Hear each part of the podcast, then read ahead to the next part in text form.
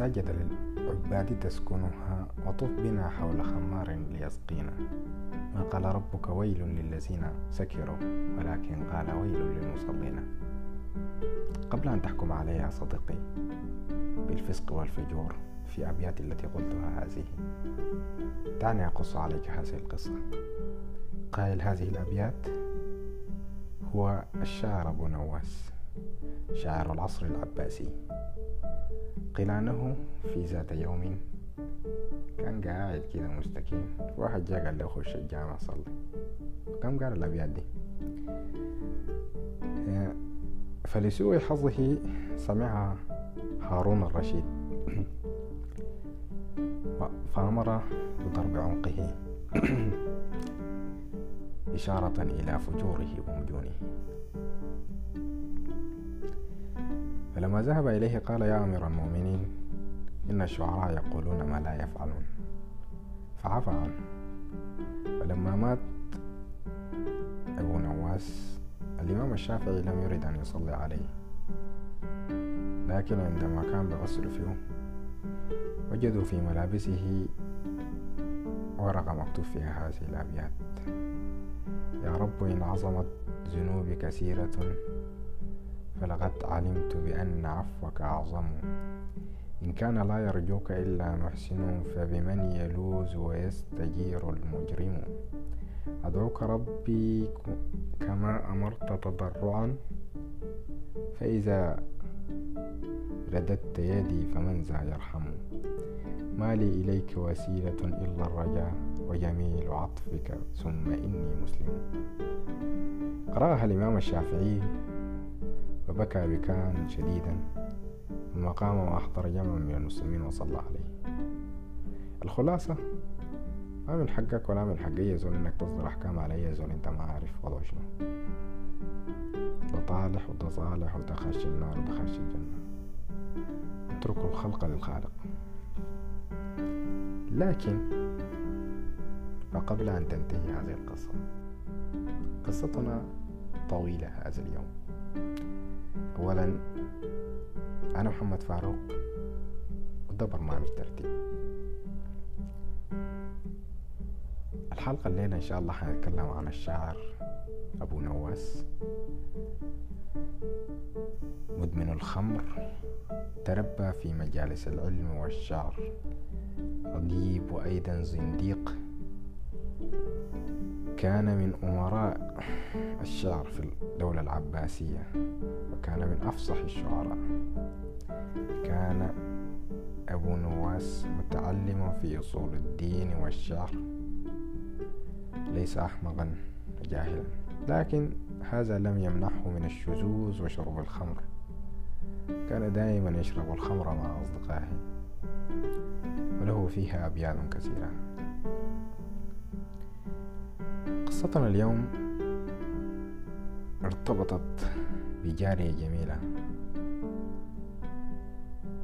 فعند وجود الشعر والخمر لابد أن يكتمل النقص بوجود الشعر يتغزل في جارية.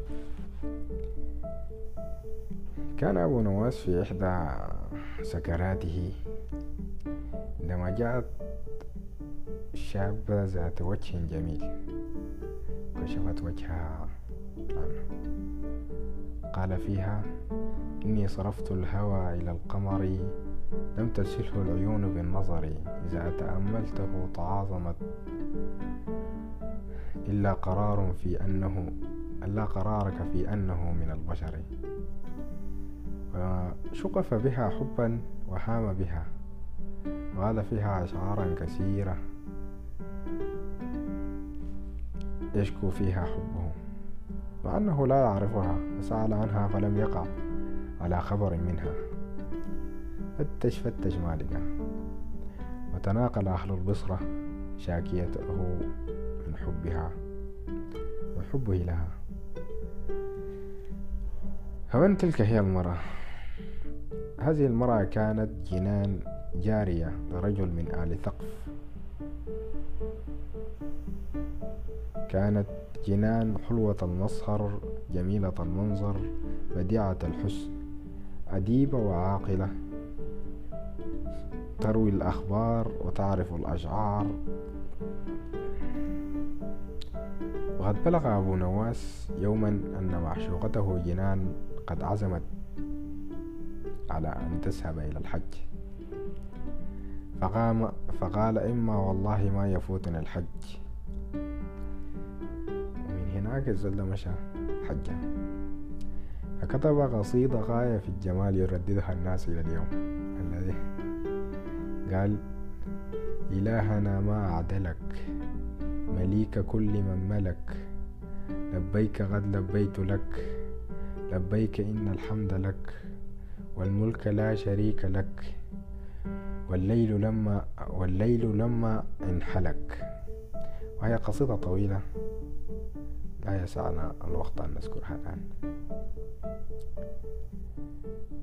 كان أبو نواس في شد وجذب مع جنان تلك الجارية والتي كانت لا تطيقه ولا تهواه ولكنه كان هائما في حبها.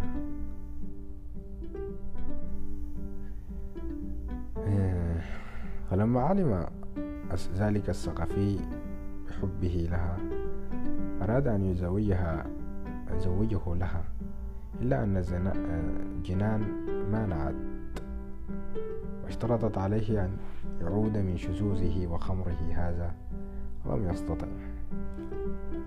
وكانت نهايته أن مات. وكانت نهايته أن مات وقال حامل الهوى تعب تعب يستخف به الطرب. إن بكى يحق له ليس ما به لعب. تضحكين لاهية والمحب ينتحب. تعجبين من سقمي صحتي هي العجب. توفي أبو نواس. وكان آخر كلامه هذه الأبيات. التي قلتها قبل قليل.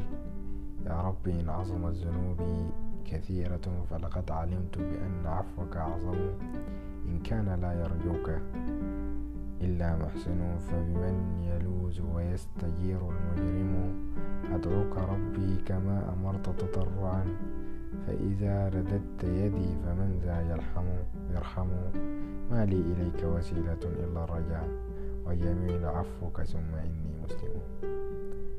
إلى اللقاء في حلقة جديدة إن شاء الله من برنامج ترتيب. شكرا لحسن استماعكم.